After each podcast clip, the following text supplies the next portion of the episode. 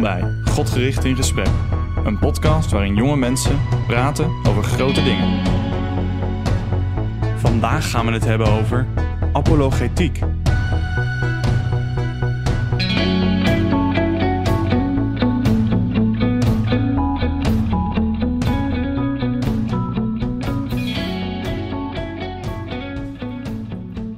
Ja, welkom terug en leuk dat je weer kijkt en luistert naar de Godgericht in Gesprek podcast. Uh, welkom terug, Ruard. Uh, we hebben ook een uh, onbekende aan tafel zitten, of in ieder geval voor onze luisteraars waarschijnlijk. Chris, welkom. Yes, leuk dat je er bent. Um, kun je jezelf even kort voorstellen? Wat doe je? waarom ben je hier? Ja, mijn naam is Chris Vragen. Ik ben 32 jaar oud en ja, ik ben hier eigenlijk uitgenodigd omdat ik nou, qua bediening me wel bezighoud ook met christelijke geloofsverdediging, met apologetiek. Uh, ja, en recent met een YouTube-kanaal gestart hmm. ben, Christelijke Apologeet. En ik mag af en toe uh, lesgeven in apologetiek op bijbelscholen, zeg maar. Hmm. Maar in het dagelijks leven ben ik geen theoloog, ik ben psychiater. Um, eigenlijk nog niet zo lang klaar met mijn opleiding hmm. tot psychiater. Dus geneeskunde gestudeerd, een tijd als arts gewerkt, ook bij De Hoop. Vervolgens in opleiding gegaan tot psychiater. En uh, nu werk ik als psychiater hmm. bij De Hoop. Uh, gedeeltelijk op een kinder- en jeugdkliniek. Hmm. Gedeeltelijk op een poli voor volwassenen. Hmm. Dus, um, Mooi. Ja. Hey, en zoals je zei, we gaan het dus hebben over apologetiek. Um, kun je kort uitleggen, voor mensen die dat woord niet kennen, van waar staat dat voor? Wat betekent dat? Ja, apologetiek staat eigenlijk in deze context voor geloofsverdediging. En uh, ja, de bijbelse grond eigenlijk voor het hele idee van geloofsverdediging komt eigenlijk voort uh, uit een tekst die we vinden in 1 Petrus hoofdstuk 3 vers nou ja, 13 tot 15, maar specifiek mm-hmm. vers 15. Ja, daar staat, heilig God de Heer in uw hart en wees altijd bereid tot verantwoording aan ieder die uw rekenschap vraagt van de hoop die in u is, met zachtmoedigheid en ontzag. En dat woordje verantwoording, hè, in het Grieks mm. staat daar apologian. Uh, je moet eigenlijk bereid zijn om een verdedigingsbetoog te geven van jouw hm. geloofsovertuiging als iemand rekenschap vraagt. Um, en, dat, en dat is in feite iets wat natuurlijk vaak gebeurt als gevolg van het feit dat wij als christenen de roeping hebben gekregen om het evangelie te prediken. Mm dus de grote opdracht die in Matthäus 28 staat, ga heen um, ja, en uh, maak alle volken tot mijn discipelen.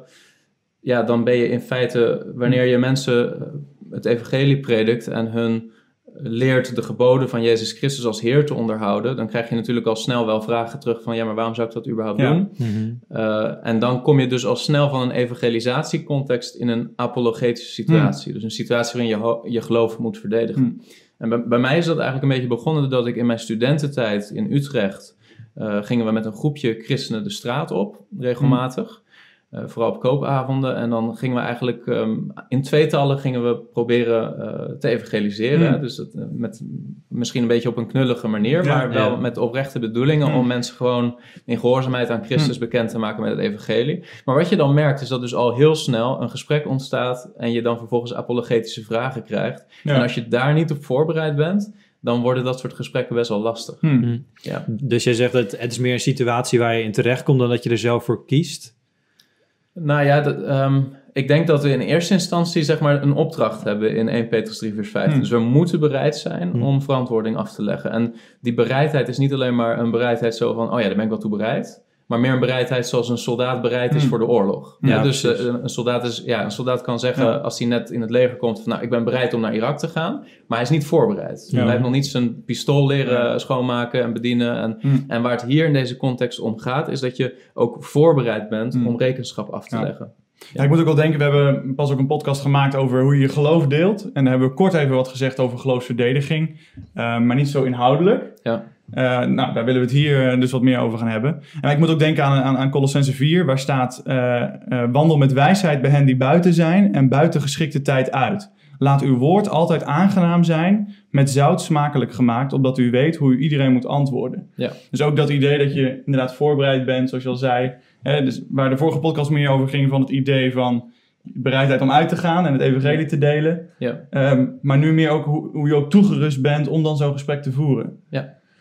Hey, um, en jij hebt een, uh, laten we zeggen, een voorkeur voor een speciale tak van apologetiek, om het zo maar te zeggen. Uh, kun, kun je daar iets meer over vertellen?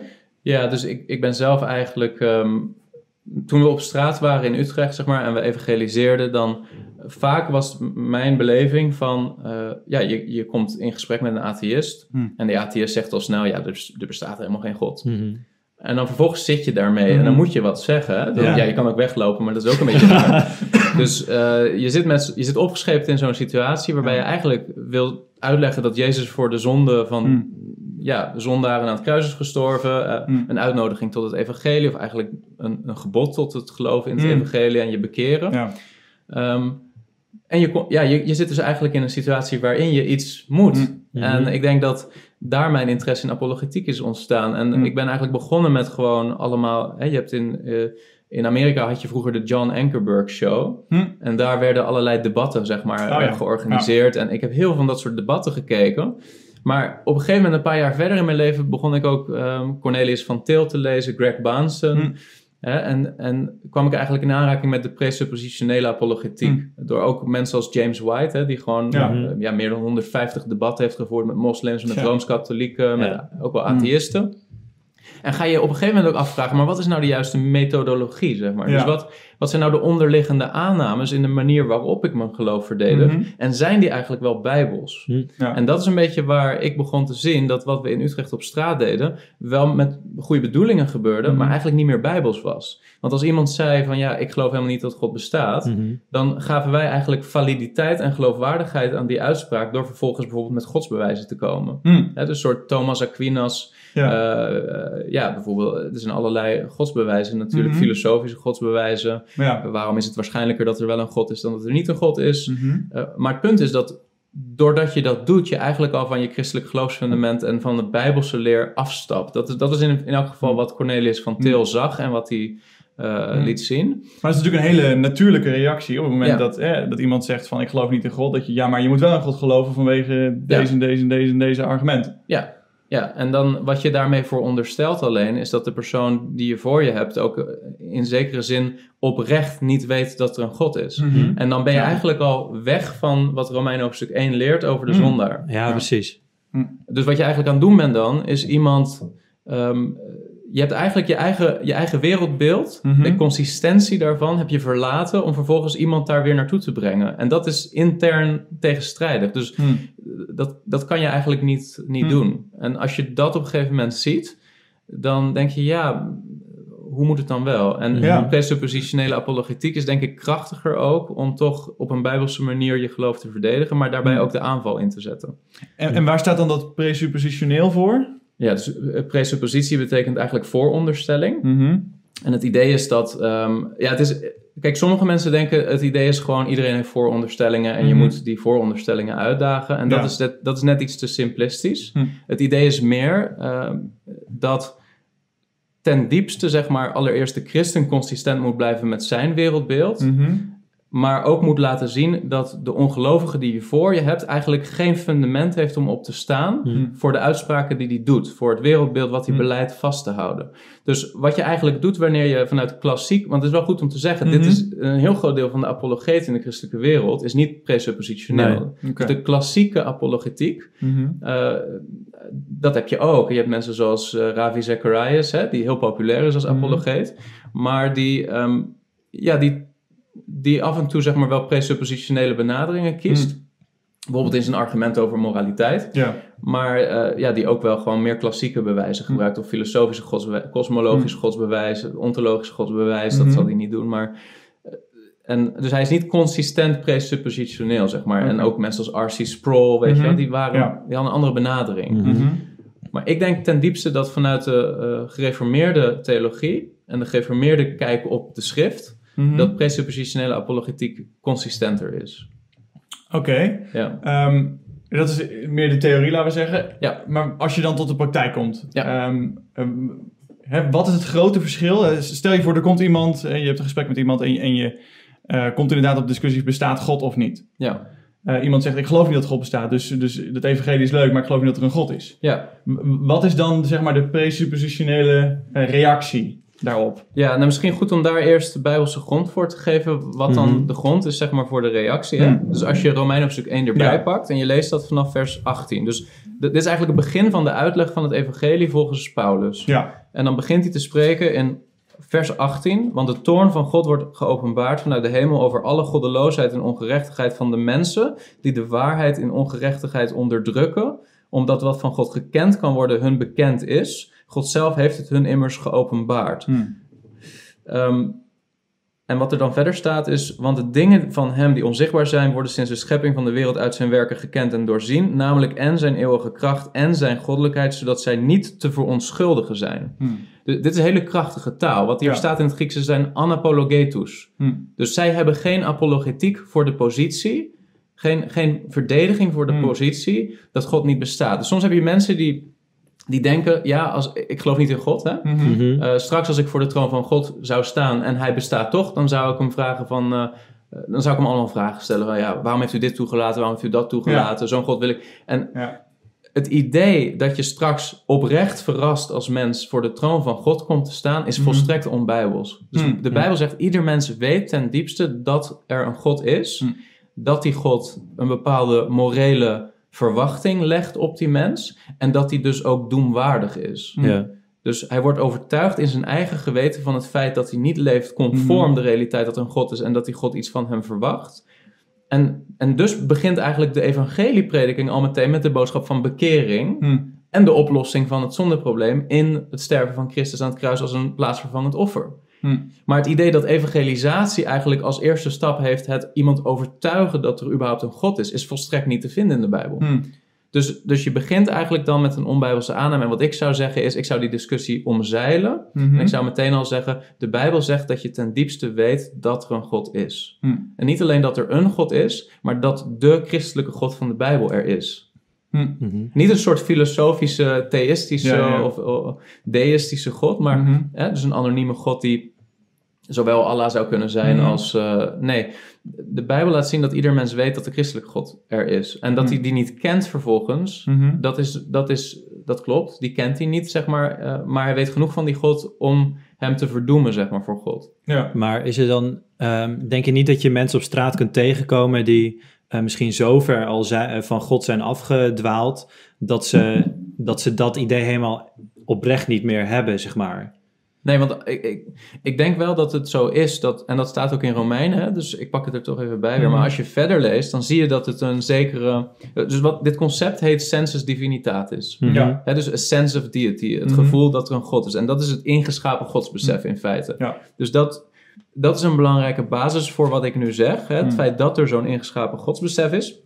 En als je dan doorleest, dan staat er inderdaad vers 21, want ze hebben, hoewel ze God kennen, hem niet als God verheerlijkt of gedankt, maar ze zijn verdwaasd in hun overwegingen en hun onverstandig hart is verduisterd, Hmm. terwijl zij zich uitgaven voor wijzen, zijn zij dwaas geworden. En vervolgens zie je dat ze de heerlijkheid van de onvergankelijke God vervangen voor eigenlijk schepselen, zeg maar, dus Hmm. het geschapene. De schepper wordt ingeruild voor het schepsel. Mhm. Uh, en dan zie je de hele cascade van God geeft hun over. Ja. Daarom heeft God hun overgegeven, uh, heeft God hun overgegeven aan de begeerte van hun hart. Uh, daar staat in vers 25, ze hebben de waarheid van God vervangen door de leugen. Um, God geeft hun over aan oneervolle hartstochten. Dus er is een zeker proces dan vervolgens, waarin inderdaad iemand tot een diepere mate van verduistering en dwaasheid komt. Maar als, dat, als die sensus divinitatis volledig weg zou zijn, Mhm. Dan zou iemand oprecht kunnen zeggen straks voor God, ja, ik wist niet dat u bestond.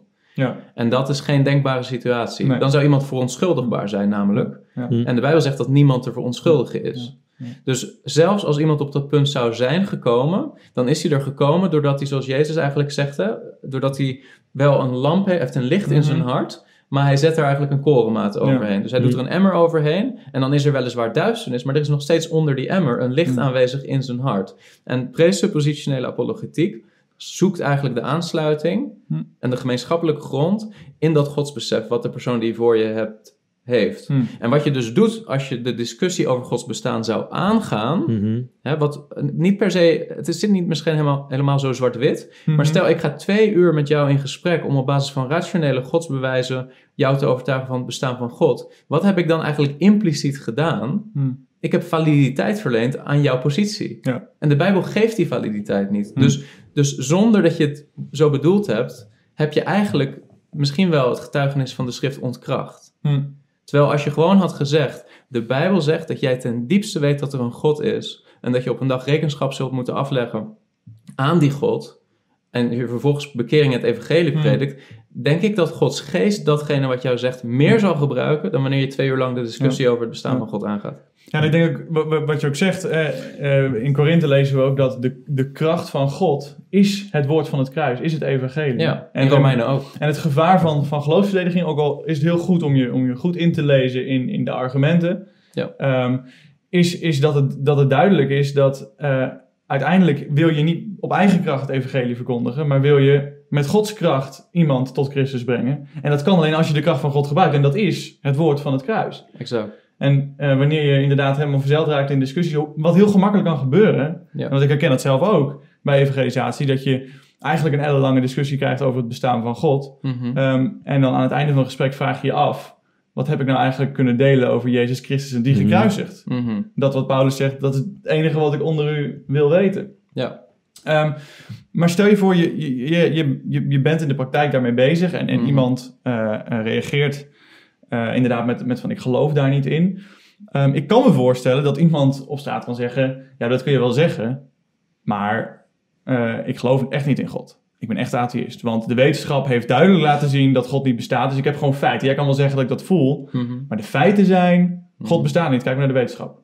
Ja, en misschien ook goed om even een semantische discussie weg te nemen. Want er is wel een zekere waarheid in de uitspraak: ik geloof niet in God. Hè, dus geloof, zoals het Bijbels wordt gedefinieerd, is natuurlijk ook een soort een gave van God, Ja. die niet aan iedereen op dezelfde manier gegeven wordt. Mhm. Dus geloven in de zin van God vertrouwen, zeg maar. Jezelf toevertrouwen aan God en daarmee je autonomie als het ware inleveren. Ja. En zeggen, ik ben afhankelijk van God, ik vertrouw op God. Hij is, dus dat, dat, in die zin is geloof inderdaad niet aan een ieder, zeg maar, gegeven. Mhm.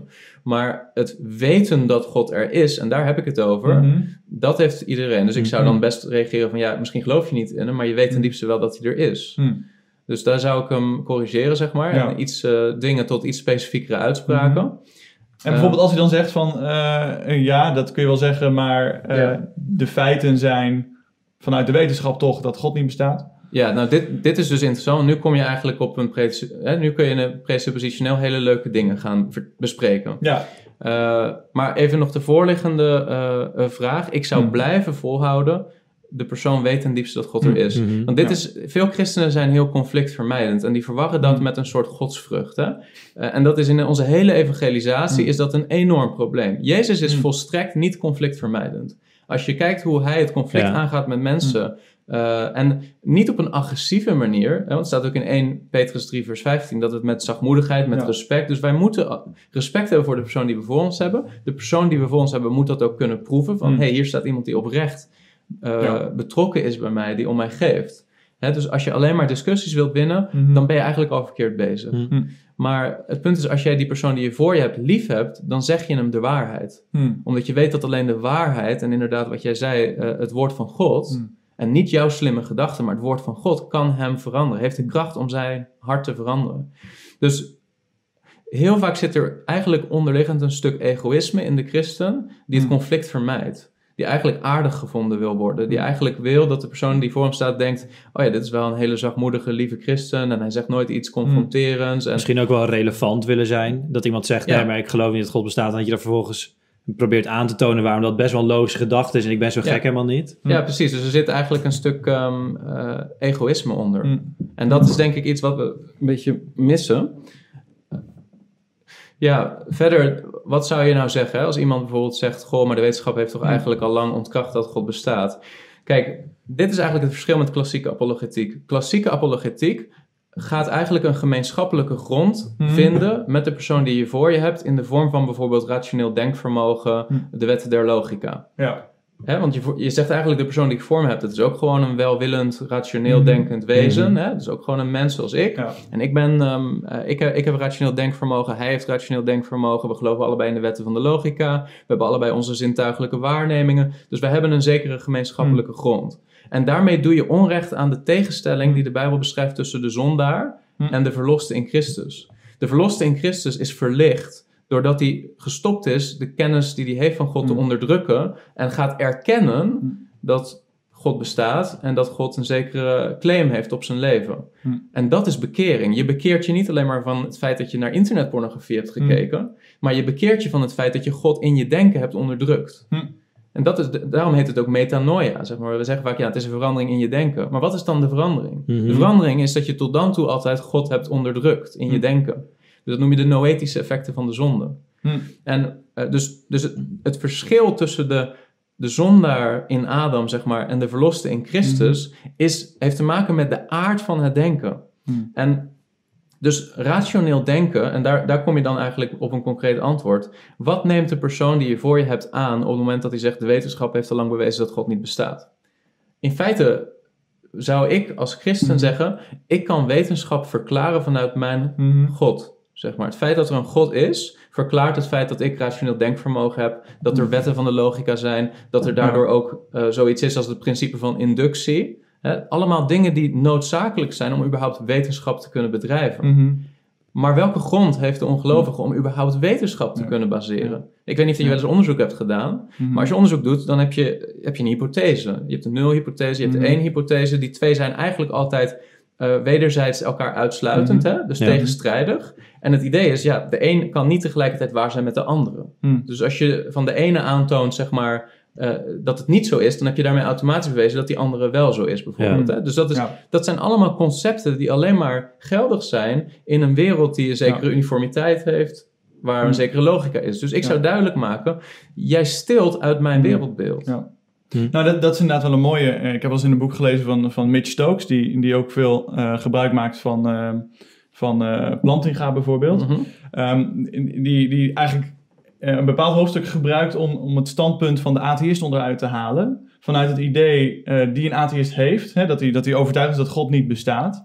Maar vervolgens wel ehm, rationeel allerlei claims maakt waarom die atheïst is. Want dan, hè, hij wil bewijzen Mhm. dat eh, hè, wat hij zegt klopt. Ja. Ehm, maar vervolgens, als je dat even gaat uitdiepen, eh, kan hij helemaal niet onderbouwen waarom zijn gedachten als geëvolutioneer- eh, geëvolueerd dier Mhm. ehm, überhaupt waarheid zouden bevatten. Ja. Ja, hij kan misschien de claim maken, eh, het heeft ons zover gebracht, we leven nog. Ja. Maar dat zegt niks over de waarheid ervan. Hè? De objectieve waarheid Mhm. kan hij helemaal niet onderbouwen. Hij kan het hele concept objectieve Nee. waarheid niet gronden. En, en jij Nee. zegt, da- daarmee steelt hij eigenlijk van ons christelijk wereldbeeld. Ja. En wat je probeert te doen, is dat bloot te leggen, te laten zien, ja, je kan dat wel zeggen. Ja. Maar je gebruikt mijn wereldbeeld nu om je eigen standpunt onderbouwen. En je bent dus inconsequent met je eigen wereldbeeld. Ja, exact. En dat is dus het punt. Het punt is dat je de morele druk, zeg maar, moet Hmm. uitoefenen op de persoon die je voor je hebt. En dat doe je niet zo vanuit de klassieke apologetiek. Dus wat je eigenlijk zegt, je bent een dief. Hmm. En daar moet je van bekeren. Alleen je bent een dief ten aanzien van allerlei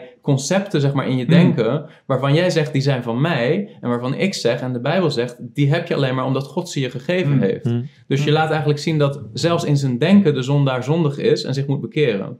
En dat is, dat is denk ik waar klassieke apologetiek vaak een beetje de, de plank mislaat. Hmm. En iemand te veel eh, ziet als een neutraal persoon. Terwijl de Bijbel heel zwart-wit is, zeg maar, in iemands status ten opzichte van God. Er is een relationele status. Je bent of voor Christus of tegen hem. Hmm. Er is niet een soort, ik ben neutraal ten opzichte van Mhm. hem. Als je mij maar genoeg argumenten Ja. geeft, dan ga ik van grijs naar, naar wit. Mhm. Dus dat, dat is een aanname die niet bijbels is. Het is duisternis of het Hmm. is licht. Het is je bent opnieuw geboren of je bent het niet. Hmm. Je bent in Adam of je bent in Christus. Zo zwart-wit ligt het. Hmm. En als dat zeg maar in de apologetische situatie niet tot uitdrukking komt, ja, dan ben je eigenlijk op een onbijbels fundament aan het evangeliseren. En dan, Hmm. ik zeg niet dat God het niet kan gebru- gebruiken. Mhm. Ik zeg wel dat je inconsequent wordt als je Hmm. dat doet. Ja. Ja. En dat je daarmee dus ook minder effectief zult zijn. Hmm. Ik denk niet dat Paulus ellenlange discussies zou aangaan over het bestaan van God. Hmm. En ik zie dat ook nergens in de schrift. Maar mensen kunnen toch ook eens heel snel dan komen met, ja, maar het is een cirkelredenering. Want eh, je stelt, dit is Gods woord en Gods woord zegt dat jij wel eh, weet dat God bestaat. Ja. Maar ja, dan zal iemand zeggen, ja, nogal wie dus, want eh, dat is ook wat, wat jij gelooft vanuit de Bijbel, wat je denkt dat Gods woord is. Ja, ja en, dat, eh, en dat erken ik dan ook. Dus Hmm. ik zou zeggen, we redeneren, eh, een christen redeneert inderdaad in zekere zin Hmm. in cirkel. Hè? Mhm. Ehm, maar iedereen redeneert in cirkels. Jij redeneert ook in een cirkel. Hmm. Alleen het verschil is, jouw cirkel is inconsistent. Mhm. En jouw cirkel is niet in staat om de hele realiteit te omvatten. Hmm. En dat is dus eh, het verschil. Dus eh, ik denk ook oprecht niet dat je vanuit een soort neutrale beginpunt, Hmm. hè, als het er al zou zijn, het is Ja. er niet, maar als het er zou zijn, dat je op een gegeven moment iemand kunt overtuigen dat de Bijbel het absolute gezag is en het woord van God. Ja. Hè, maar het punt is, Jezus in de manier waarop hij mensen benadert, benadert ze ook niet als neutrale wezens, maar benadert ze vanuit het idee dat ze weten ten diepste dat er een God is, maar dat ze die kennis onderdrukken en dat hij een morele ehm, claim op hun levens heeft.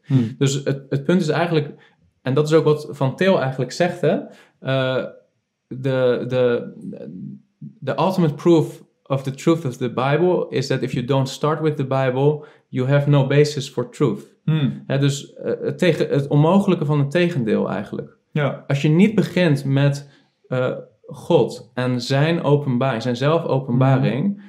En dat niet je fundament is, dan heb je eigenlijk geen rationeel fundament meer voor eigenlijk alle absolute universelen hmm. of universele absoluten. Dus dingen als absolute moraliteit, hmm. uniformiteit in de natuur, uh, universeel geldige wetten van de logica. Dat zijn allemaal niet materiële concepten. Hmm. Dus als iemand, en heel veel mensen in Nederland zijn eigenlijk, hè, zeggen ik ben atheïst of ik ben agnost, en hebben onderliggend eigenlijk materialisme als hun ja. uh, metafysica, zeg maar. Dus hun, hun gedachte over hoe de realiteit in elkaar zit. En in materialisme als filosofie heb je helemaal geen grond voor hmm.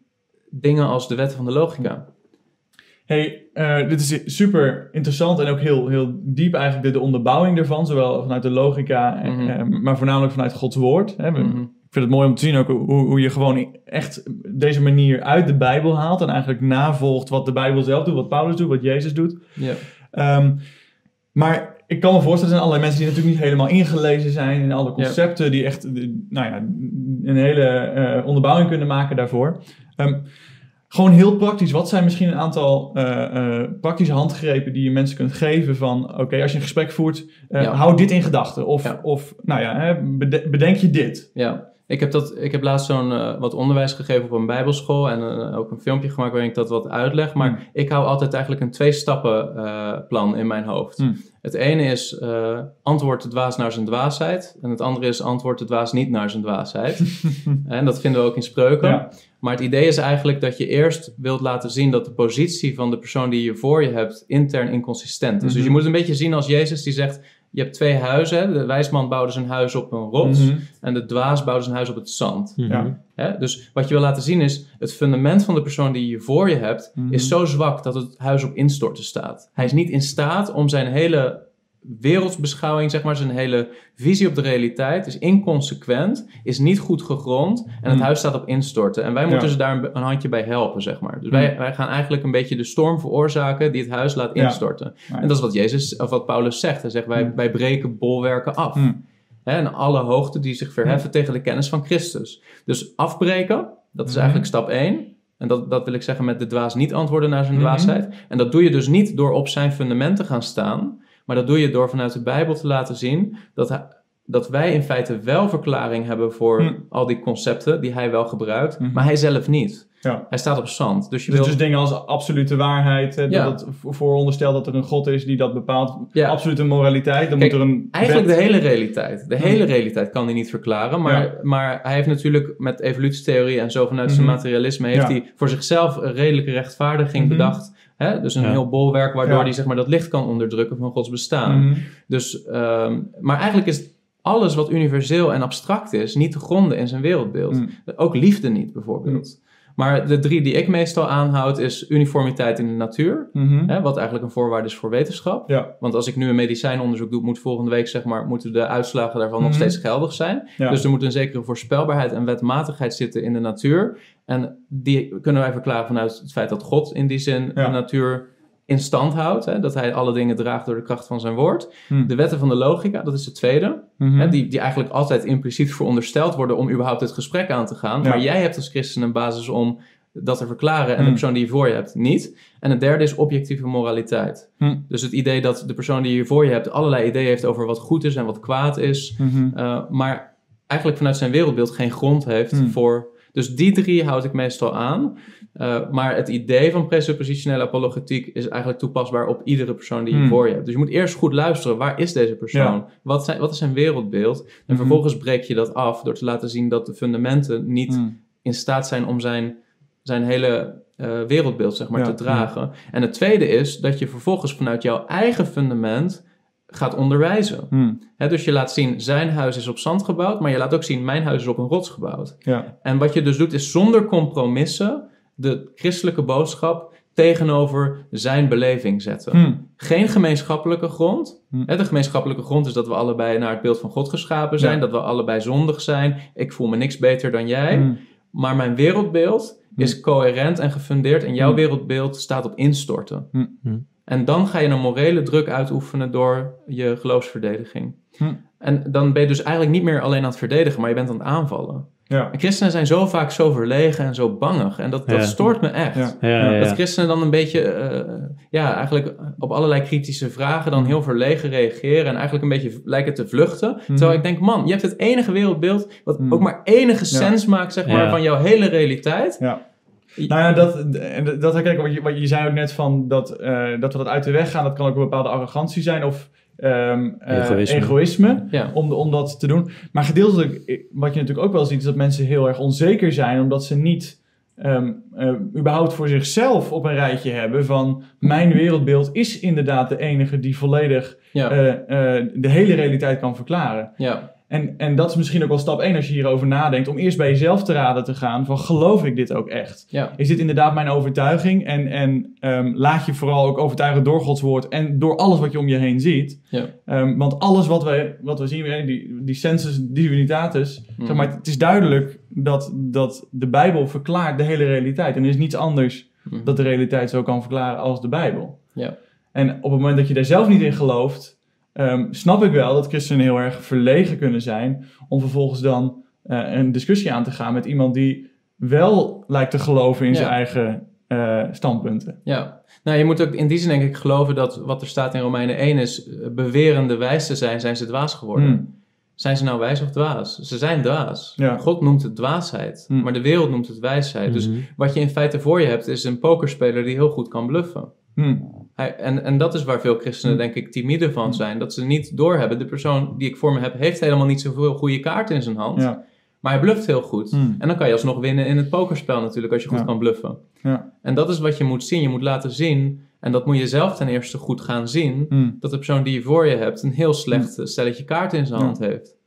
Ja, en, en, en de- wat je ook zegt, Romeinen 1 zegt dat zo duidelijk. Dus dan is Mhm. misschien inderdaad stap 1 om, om, om daar nog eens echt naar te kijken. En, en, en, en terug te gaan naar het fundament van je eigen geloof. Van hé, hey, eh, dit is Gods woord, dat geloof ik. Gods woord zegt dit. Ja. En, en, nou ja, ik, ik- dat heb jij waarschijnlijk ook wel. Ik heb het ook wel herkend uit de realiteit. eh, dat je bij heel veel mensen ook wel terugziet dat het waar is. Hmm. Dat ze het onderdrukken. Of dat ze ehm, echt wel doorhebben. En dat, dat, dat naarmate een gesprek vordert. Hè, sommige mensen kappen het heel hard af. Dat kan. En die zijn misschien wat verder in het onderdrukken van die waarheid. Hmm. Maar ik heb ook wel gemerkt in gesprekken dat je heel vaak toch wel bij iemand naar boven ziet komen. Dat hij eigenlijk wel heel onzeker is over bijvoorbeeld al zijn zonden. Ook al zegt hij ik geloof niet in een God. Diep van binnen. Ik heb als een gesprek met iemand en die, en die reageerde van... Oh, ik doe daar helemaal niet zoveel mee. Een Mhm. beetje schuldbewust. En ik dacht, oh, is hij misschien als christen opgevoed? Want dan hoor je christenen wel eens zeggen van, ik doe daar niet zoveel mee. Hmm. Maar hij, had helemaal, hij was atheïstisch opgevoed, had helemaal niets met het christelijk geloof. Eh, en toch voelde hij zich een soort van schuldig dat hij niks daarmee deed toen hij hoorde dat ik eh, eh, serieus Christus wilde volgen. Ja. En dus dat je in de realiteit ook gewoon ziet, het is waar wat Gods woord zegt. Ja. En we kunnen er gewoon op vertrouwen. We mogen eigenlijk aansluiten bij wat iemand al weet. En wat iemand Hmm. weet is dat er een God is. Hmm. Dat wil hij niet weten, maar daarom onderdrukt hij dat. Mhm. Maar daar kunnen wij bij aansluiten. Wat ze niet weten is dat er een mogelijkheid is tot bekering. Ja. Niet alleen een mogelijkheid, maar een opdracht. En dat er een opdracht is om het evangelie te geloven. Hmm. En ik, ik, nu ik toch de vrijheid heb, zeg maar, wil ik daar ook iets, echt iets over zeggen. Want heel veel evangelisatie is, is niet alleen bijbels, omdat er bepaalde... ehm, eh, het, het, het probleem is vaak dat we evangeliseren al met, het, met een, een onbijbelse boodschap. Hmm. Eigenlijk prediken we heel vaak het evangelie helemaal niet in het evangeliseren. Als je al naar iemand toe komt met... eh, weet u wel dat God heel veel van u houdt en hij wacht op u. En dat Mhm. is niet de boodschap die we zouden moeten prediken. Nee. De boodschap is, Hmm. bekeer je en geloof in het evangelie. En dat niet als een uitnodiging alleen, maar als een gebod. Ja. En eh, als je dat predikt als een gebod, dan zijn er eigenlijk maar twee mogelijkheden. De ene is, iemand wordt boos en in zijn opstandig hart haat hij wat jij zegt Hmm. en loopt van je weg, of spuugt in je gezicht, Ja. of, hè, maar keert zich tegen jou. En de andere is, iemand wordt opnieuw geboren door jouw Hmm. prediking. Hmm. En dat zijn de twee opties. Dat zijn de twee opties die Paulus overal tegenkwam. Ja. En, en dat moeten we accepteren. Hmm. Dat als jij evangeliseert en, en een persoon haat wat jij zegt, dan heb je waarschijnlijk niet zozeer iets Hmm. verkeerd gedaan, Maar dan, dan heb je gewoon gedaan wat Paulus deed. En, en vaak is dat voor christenen moeilijk te verdragen. Mhm. Uh, maar Jezus heeft gezegd, ze hebben mij gehaat, ze zullen u haten. Als, uh, een dienstknecht staat niet boven zijn meester. Kijk, als mensen jou haten omdat je gewoon heel ruw bent geweest... en omdat je Mhm. onvriendelijk bent geweest... dan moet je niet denken dat je het goed doet omdat Nee. mensen je Ja. haten. Maar als je trouw bent, zowel in de manier waarop je het doet... als in de inhoud van wat je zegt... kun je verwachten dat er een tegengestelde reactie Mhm. mogelijk is. Iemand die wordt opnieuw geboren en gered door de prediking... En een groot deel van de mensen zal ook zich er tegen keren, Hmm. boos worden. En, en als dat niet uiteindelijk eigenlijk de uitkomst is van elke situatie, dan moet je je heel serieus afvragen: wat ben ik aan het Hmm. doen? Ja. Als iemand wegloopt en zegt: ja, je bent wel een aardige kerel en ik mag jou wel, eh, maar ik zie het gewoon nog niet helemaal. Ja, dan vraag ik me af: heb je niet een iets te neutrale boodschap ge- gepredikt? Hmm. Ja. hè? Ja, het is denk ik sowieso inderdaad een goede om dat als je gaat evangeliseren, dat je ook daadwerkelijk het evangelie eh, gaat delen. En het is leuk en aardig als je een inhoudelijk gesprek kunt Mm. voeren over inconsequente wereldbeelden die iemand heeft. Ja. Ehm, en ja, misschien denkt hij daar s'avonds een beetje over na, maar als vervolgens niet ook de oplossing Mm. is geboden en inderdaad de oproep van bekeer je, eh. Ja. ja, dan, dan, dan is het geen evangeliseren. En ik, ik, ik, om daar nog aan toe te voegen. Ik denk dat wij onderschatten wat een profetisch getuigenis jij Hmm. geeft op het moment dat je gewoon de Bijbelse boodschap op een consequente manier predikt. Dus als je niet meegaat in ik geloof niet in God en Hmm. je zegt de Bijbel, ik zeg nooit je weet ten diepste dat God bestaat, want wat is nu het gezag van die uitspraak? Ja. Mhm. Dan zeg je ja, dat zeg jij. Mhm. Ik zeg altijd, de Bijbel zegt dat jij ten diepste weet dat er een God is, maar je wil hem niet kennen en Mm. daarom onderdruk je dat. Dit, dit Mm. is gewoon iets wat de Bijbel zegt. Ja. Het is Ja. gewoon de waarheid van Ja. de Bijbel. Maar dit komt als een profetische stem, zeg maar, op iemands levenspad. Jij bent een engel gestuurd door God, als een ambassadeur van Christus. En dit is een, dit is een trein van een boodschap, zeg maar. Ja. Eh, die, die ofwel zeg maar, zijn hele leven gaat veranderen, ofwel zeg maar, hem in totale furie zeg maar, laat uitbarsten tegen ja. jou. Ja. En als je Ja. die boodschap predikt, dan zul je zien dat er kracht in zit. Hmm. Ja, en ik, ik denk ook als- als, als je dit gesprek hebt gehoord. Ehm, ga vooral ook de Bijbel induiken, want je ziet dat het keer op keer ook, ook gebeurt. Zowel eh, Jezus Christus zelf, maar ook in, in handelingen. Hmm. En ook telkens dat je leest, eh, vanaf dat moment trokken er geen mensen meer met Christus mee bijvoorbeeld, Ja. eh, nadat hij gepredikt heeft. Of, of Paulus die duidelijk op een gegeven moment een scheiding aanbrengt. Oké, er zijn mensen die zich in agressie tegen ons eh, opzetten. Hmm. En er zijn mensen die zich willen bekeren en daadwerkelijk Christus willen volgen. En dat wij als christenen, zoals ik al zei, eh, niet, niet bang moeten zijn voor het conflict. Sterker nog, eh, als er nooit conflict plaatsvindt, dan doen we iets verkeerd. Hmm. Ja. Exact. Hey, ehm, zijn er nog laatste kleine dingen die je nog wil toevoegen voordat Ja. we... Ja, heel kort. Ehm, kijk, het punt is, apologetiek is veel groter dan wat we nu besproken Ja. hebben. We hebben het nu specifiek over bijvoorbeeld de atheïst, de materialist die je Mhm. op straat tegenkomt. Maar d- die twee stappen die zijn belangrijk om te onthouden. Het is allereerst belangrijk dat jij jouw eigen eh, positie kent. Dat Mhm. je je eigen fundament kent. Dat je de Ja. Bijbel kent. Dat Ja. Je de Bijbel gelooft. Dat je de Bijbel bestudeert. Want er kunnen mensen naar je toe komen met wel oprechte vragen. Ja. Van, hoe zit het met dit, met deze tekst? Hoe moet ik dit begrijpen? Mhm. Eh, en en daar, daar- je zal de interne consistentie van je eigen positie moeten kunnen laten zien. Mm. En daarvoor is het belangrijk dat je groeit in kennis van Mm. Gods woord. Dus dat is heel belangrijk. Wil je in apologetiek groeien, dan moet je groeien gewoon in je kennis van Gods Ja. woord.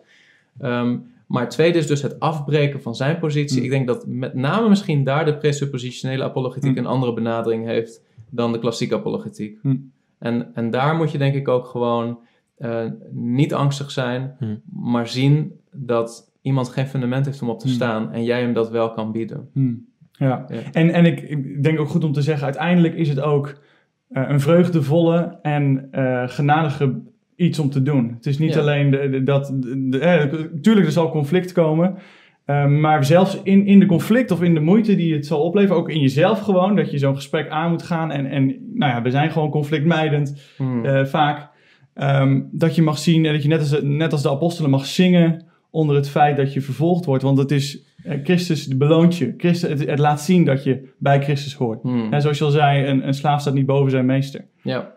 Kijk, wat wel nog één dingetje is. Kijk, deze, deze apologetiek Hmm. is gebaseerd wel op Calvinistische gereformeerde theologie. Ja. Als jouw visie is dat een zondaar, doordat jij hem genoeg argumenten geeft, op een gegeven moment te overtuigen is van het christelijk wereldbeeld en daarmee een keuze maakt voor Jezus Mhm. en daarmee eigenlijk, hè, dus de, ja, dan, dan is klassieke apologetiek misschien logischer. Hmm. Alleen als jouw diepste overtuiging is dat iemand uit zichzelf nooit zou kiezen voor God. En dat er een bovennatuurlijk Ja. werk nodig is van Gods geest. Hmm. Door middel van de prediking van Gods woord. Dan besef je, wat ik doe is alleen maar een instrument in Gods Hmm. hand. Ik Ja. ga iemand niet overtuigen. Hmm. Mijn doel is niet dat ik uiteindelijk resultaten zie. Of dat er uiteindelijk aan het einde van mijn evangelisatiewerk dat 80% tot geloof is gekomen. Als, als dat je drive is en als dat je Hmm. onderliggende theologie is, ja, dan is dit niet effectief waarschijnlijk voor jou. Maar als je ten diepste gelooft dat een zondaar alleen tot Christus zal komen als er een bovennatuurlijk werk door Hmm. Gods geest verricht wordt, door de prediking met kracht van het evangelie, ja, dan is dit de enige manier om het te doen. Je gebruikt Gods instrument Ja, eh, dat hij geeft in zijn woord. ja en dan word je een instrument in zijn Hmm. hand. Hmm. En dan zou je ook wel zien dat dat meer resultaten zal bieden. Maar als je alleen maar op resultaat gericht bent, Hmm. ons doel ultiem moet zijn om onze heren gehoorzaam te Hmm. zijn. Hmm. Niet om aantallen mensen tot geloof te zien komen. Hmm. Maar als je de Heer gehoorzaam bent, zul je ook zien dat er mensen tot geloof gaan komen. Ja. Maar dat is een bijzaak en niet een hoofdzaak. Amen. Goed. Ik wil je heel erg bedanken dat je hier wilde zijn en hierover wilde spreken. Ruud, jij ook bedankt. En eh, we zien jullie graag weer terug bij de volgende podcast van God gericht in gesprek.